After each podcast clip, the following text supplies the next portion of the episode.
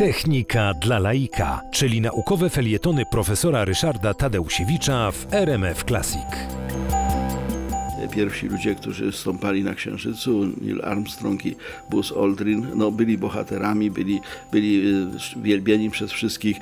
Y, Oglądaliśmy i oglądamy do tej pory, bo to jest dostępne w internecie, ten moment lądowania. Coś wspaniałego. Ludzie dotarli na Księżyc, po raz pierwszy ludzka stopa stanęła na innym ciele niebieskim. Natomiast mało kto wie, że do tego, żeby ten lądownik LM, y, no, każdego kolejnego pojazdu księżycowego, ale w szczególności tego pierwszego, Apollo 11, który w 69 roku, w lipcu 69 roku y, rzeczywiście jako pierwszy y, wylądował na Księżycu, y, każdy taki y, pojazd był sterowany przez komputer. To nie było tak, że dzielny astronauta siedział za sterami i sterował tak jak, jak samolotem. Owszem, mógł to robić, ale przede wszystkim był wspomagany przez komputer. Komputer musiał być zaprogramowany. I okazuje się, że komputery do misji Apollo, w szczególności Apollo 11, tego, który na Księżycu e, wylądował, e, programowała Margaret Hamilton, e, bardzo zdolna dziewczyna, bardzo zdolna programistka, zresztą twórczyni pojęcia inżynierii oprogramowania. Jeżeli dzisiaj się mówi o inżynierii oprogramowania, to ten termin, tą, tą problematykę wymyśliła właśnie Margaret Hamilton.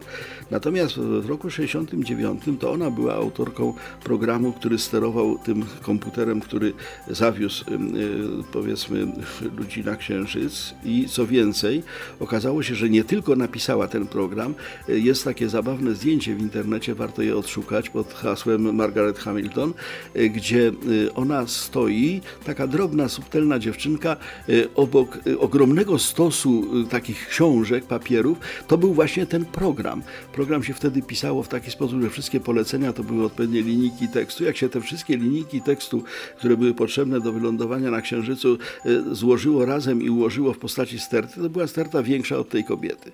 Ona to napisała, ona to wymyśliła, ale co więcej, ona uratowała misję Apollo przed blamarzem w momencie, kiedy cały świat zapartym tchem patrzył, y, kiedy ci Amerykanie na tym Księżycu w końcu staną.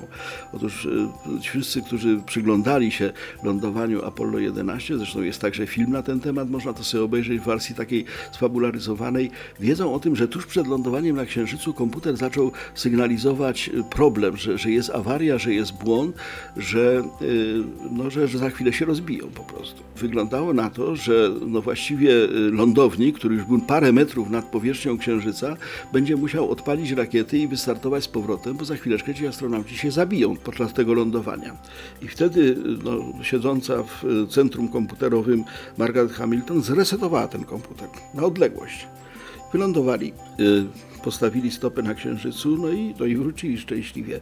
Także dziewczyna miała nie tylko y, no, genialną y, wyobraźnię, nie tylko znakomicie panowała nad swoim programem, ale potrafiła zdobyć się na decyzję, na, na którą nie zdecydował się żaden tych dzielnych mężczyzn, którzy prowadzili lot Apollo, a ona to zrobiła.